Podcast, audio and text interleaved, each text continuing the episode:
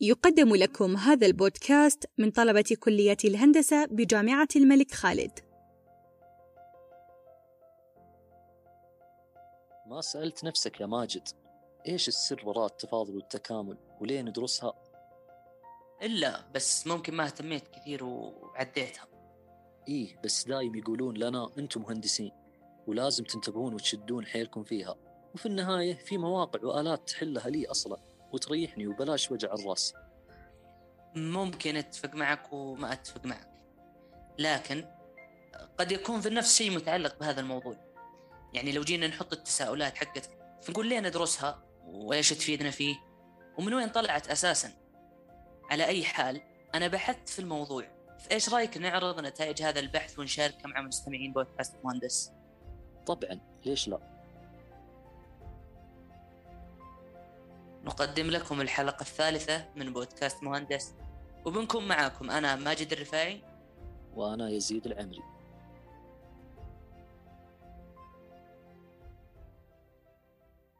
قبل أي شيء يا يزيد بحكم أنك مطلع على التاريخ العلمي شويتين من وين بدأت حاجة اسمها تفاضل وتكامل؟ من وين طلعت دي الحاجة اللي أتعبتنا وحتى طيحت معدلات أغلبنا؟ شوف لو نرجع للزمن وراء وبالتحديد لما قبل القرن الثامن عشر الميلادي في أوروبا ونشوف إيش كانت عليه. كانت عبارة عن مجموعة بلدان متخلفة بعض الشيء وما بدأ التطور والتقدم فيها إلا من بعد القرن الثامن عشر. وكانت البدايات متعلقة بالتفاضل والتكامل. طبعا خرج هذا العلم عن طريق اثنين من العلماء اللي وضعوا مجموعة من الإثباتات والقوانين كانوا في بلدين مختلفين إلا أنهم توصلوا في النهاية لنفس الناتج باختلاف الطرق. وهذا الناتج كان بداية التفاضل والتكامل. العالمين ذولا هم جوتفريد لايبنتز وطبعا حبيب المهندسين إسحاق نيوتن. يعني حتى نيوتن في السالفة هنا؟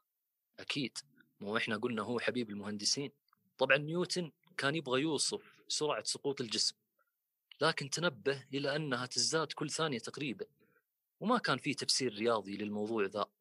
فمن هنا بدأ اختراع ما يسمى بالتفاضل والتكامل وكمان اكتشف كيفية حركة الكواكب وليش تتكون مدارات الكواكب واستنتج منها أن قوة الجاذبية الأرضية اللي تخلينا على هذه الأرض هي نفس القوة اللي تخلي الكواكب تدور حول الشمس والقمر حول الأرض. كل هذه الاستنتاجات جاءت من التفاضل والتكامل والعمليات الحسابية المعتمدة عليها. بس في حاجة بسيطة لازم نعرفها. إن التكامل استخدم أصلا قبل كذا بطريقة غير مباشرة من قبل المصريين القدامى في حساب المساحات والحجوم حتى لو ما جو يبنون الأهرامات كانوا يحسبون حجم الهرم الناقص بالتكامل لكن بطريقة غير مباشرة. بعدين جاء اليونانيون واستخدموا طريقة الاستنزاف في حساب المساحات والحجوم وتطورت في عهد أرخميدس واللي أدخل فكرة الخبرة المكتسبة واللي هي جزء أساسي في علم التكامل. بعدين انتقلت طريقة الاستنزاف إلى الصين وأوجدوا مساحة الدائرة وحجم الكرة وكمان ابتدعوا معادلات تتعامل مع التكامل. برضو ما ننسى علماء المسلمين والعرب القدامى. ابن الهيثم مثلا استخدم طريقة تكاملية عشان يستنبط الصيغة العامة لكثيرة حدود من الدرجة الرابعة. وفي الهند بدأ التفاضل بالظهور على يد هندي رياضي. ووصف المتغيرات المتناهية في الصغر. وفي ناس ثانيين توصلوا للمتسلسلات شبيهة بمتسلسلة تايلور. فنقدر نقول إنها كانت فروع داخل علوم مثل الهندسة والفيزياء. لكن نيوتن ولايبنتز هم اللي خلوه علم منفصل لوحده وحطوا له أول فصل ومن بعدها بدأ هذا العلم بالتطور. ومن بعدها أحدث ثورات صناعية مختلفة تماما. تصل نتائجها للي نشوفه الآن من التقدم العلمي والتقني في العديد من المجالات. عاد أنا يا ماجد أعطيتك من التاريخ. الحين علمني إيش هو التفاضل والتكامل أساسا؟ إيه بخصوص النقطة هذه أه بحاول أبينها لك بصورة مبسطة شوي. الحين مو أنت ذكرت أن نيوتن لاحظ سرعة سقوط الجسم متغيرة وغير ثابتة؟ صح ممتاز. التفاضل والتكامل يتعامل مع أشياء متغيرة وغير ثابتة. فأنا عشان أتنبأ بالحركة القادمة أو سرعة شيء في لحظة معينة أو معدل تغير شيء معين أستخدم التفاضل والتكامل. نبسطها شوي. لو عندك عدد هذا العدد هو عبارة عن واحد تقسيم اثنين. لو قلت لك الناتج اللي يطلع لك اقسمه كل شوي على اثنين. بيطلع عندك نص بعدين ربع بعدين ثمن بعدين واحد على 16 بعدين واحد على 32 والحاسبة بتحسب. الحين كيف أوقف هذا العدد بحيث يوصل معاي إلى حد معين؟ معناته لازم يطلع لي الناتج بصفر بس ما تجي. بالضبط. ما يطلع صفر. ممكن يطلع قريب من الصفر بس تجلس تقسم على اثنين كل شوي. فمستحيل إنه بيوقف ويوصل إلى صفر. التفاضل والتكامل هنا يخلي هذا الناتج يوقف عند حد. هذا الحد صفر بمعنى افترض إنك ماشي بسيارتك هل تجلس تمشي في زمن وسرعة لا نهائية؟ أكيد لا. بس أكيد انه في تغير في لحظة معينة حصلت والسرعة تغيرت بازدياد وانخفاض. سبب هذا التغير أو النقطة أو اللحظة اللي أحدثت هذا التغير نوجدها باستخدام التفاضل والتكامل. ووقتها أقدر أحط حد لسرعة هذا الجسم. الطقس مثلا معدل تغير الطقس نقدر نمثله بيانيا بس كيف أعرف مقدار هذا التغير أو كيف يجي هذا المنحنى؟ هو عن طريق التفاضل. فالتفاضل هو عبارة عن قياس لمدى التغير في حاجة معينة كم مقدار هذا التغير؟ التكامل مختلف شويتين. نرجع للتاريخ اللي ذكرته في البداية يزيد لكن قبلها بسألك. لو قلت لك توجد مساحة أو حجم بشكل غير منتظم جسر ولا ورم سرطاني هل تقدر توجده بدقة؟ إذا بستخدم جمع وطرح وضرب فطبعا ما بجيبها بدقة. التكامل هنا يحسبها لك بدقة كاملة. تذكر لما قلت أنت الأهرامات والمصريين القدامى كيف كملوا النقص فيها وأوجدوا الاحتياج؟ استعملوا حسابات غير مباشرة بس توصل للتكامل في الأخير. عندك مثلا أجنحة الطائرات طبعا أجنحة الطائرات ما تتصنع بعبث. شكلها لو تلاحظه غريب. مو مستقيم يعني وأيضا داخلها أجنحة داخلية وغير أماكن محركات واحتياج هذه الطائرة عشان تطير والوزن اللي بتحمله وأشياء كثير كل هذه الحسابات ما أقدر أجيبها بالتجربة أو بافتراض. لازم بدقة فينا دور التكامل. عندك أيضا الأورام السرطانية بعض الأحيان ما يكون ظاهر بشكل كامل. بس أبغى أوجد مساحته كامل. التكامل يحل لي موضوع بس لحظة يا ماجد تكلمنا تقريبا في منظور ديناميكي. بس خلنا نرجع شويتين على تخصصنا هنا بما ان إحنا مهندسين كهربائيين. تمام تمام. عندك التيار المتردد؟ ما هو أصلا متغير مو ثابت أنا كيف أوجد الجهد أو التيار المتردد أو حتى الطاقه المفقودة؟ عن طريق التكامل. بالضبط. فباختصار التفاضل يحسب معدل التغير في شيء معين في لحظة معينة والتكامل يحسب أو يتنبأ بقيمة أو كمية هذا المتغير. طيب يا أخي أحتاج توضيح أقرب إلى الواقع شوي. إيش تطبيقات التفاضل والتكامل في حياتنا؟ طيب ممتاز. بالإضافة اللي ذكرتها لك سابقا في أشياء ثانية نستفيد منها. أول وأهم حاجة نستنتجها من اللي قلناه مسبقا أن حساب التفاضل والتكامل يفسر تأثير الظروف المتغيرة لنظام ما ونقدر نتحكم في هذا النظام في أشياء ثانية ما نتوقعها زي مثلا المحافظ الاستثماريه لدى البنوك باستخدام التفاضل والتكامل يبين عندي أفضل الأسهم وبيانات المسح للمساعدة في تطوير خطط الأعمال وتنبؤات أكثر بدقة. وبرضه شركات بطاقات الائتمان تحدد الحد الأدنى للمدفوعات المستحقة على بيانات بطاقة الائتمان في الوقت المحدد لمعالجة البيانات. وعندنا أيضا في الكيمياء غير العضوية من ناحية معدل سرعة حدوث التفاعل. وفي دراسة السكان من ناحية تحليل كيفية تطور أعداد المفترسات والفرائس بمرور الوقت. وهذا يتم عن طريق استخدام المعادلة التفاضلية. أيضا علماء الأحياء يستخدمون حساب التفاضل والتكامل عشان تحديد المعدل الدقيق للنمو في الثقافة البكتيرية.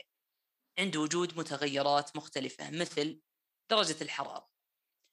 وأيضا ما ننسى أهم أشياء درسناها في علم الفيزياء الميكانيكية السرعة والتسارع. هذه كلها تأتي من مشتقات بسيطة معادلة الإزاحة. ولو نرجع لأنفسنا حن كمهندسين كهربائيين عندك محطتين فرعيتين. بس بينهم مسافة كبيرة. كيف تجيب طول الكيبل المناسب لهذه المسافة؟ طبعا أستخدم التكامل بحكم أن المعطيات عندي متغيرة فأقدر أوجدها بالتكامل. يا سلام! يعني نتكلم الآن عن المعماريين. الأشكال والمنحنيات حقت الملاعب مثل الجوهرة أستاذ الملك فهد كيف أحسب كمية المواد اللازمة للبناء؟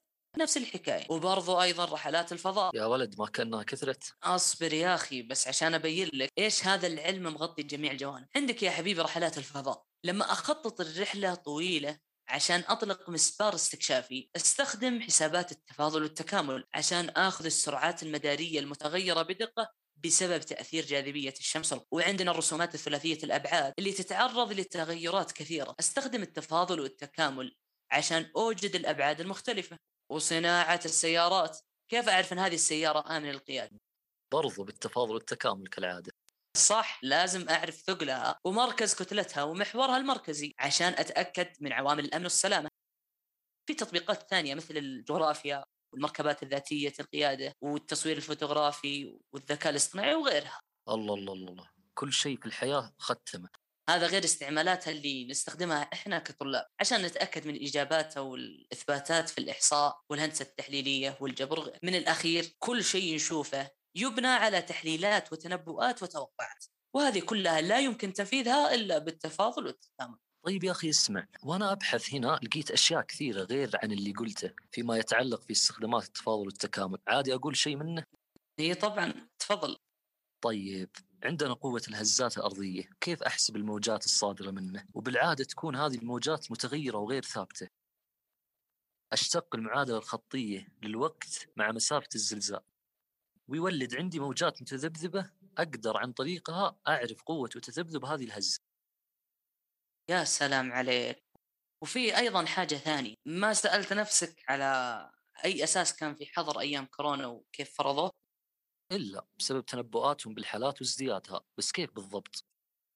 فيه مجال علم الأوبئة وبالتحديد في دراسة انتشار الأمراض المعدية يعتمدون على ثلاث عوامل رئيسية واللي هي الأشخاص المعرضين للإصابة بالمرض والأشخاص المصابين والأشخاص اللي يتعافون وبناء عليها وباستخدام حساب التفاضل والتكامل أقدر أحدد سرعة وانتشار المرض ومن أين نشأ يعتبر حساب التفاضل والتكامل مهم جدا في مثل هذه الحالات. والسبب لأن معدلات الإصابة والتعافي تتغير بمرور الوقت.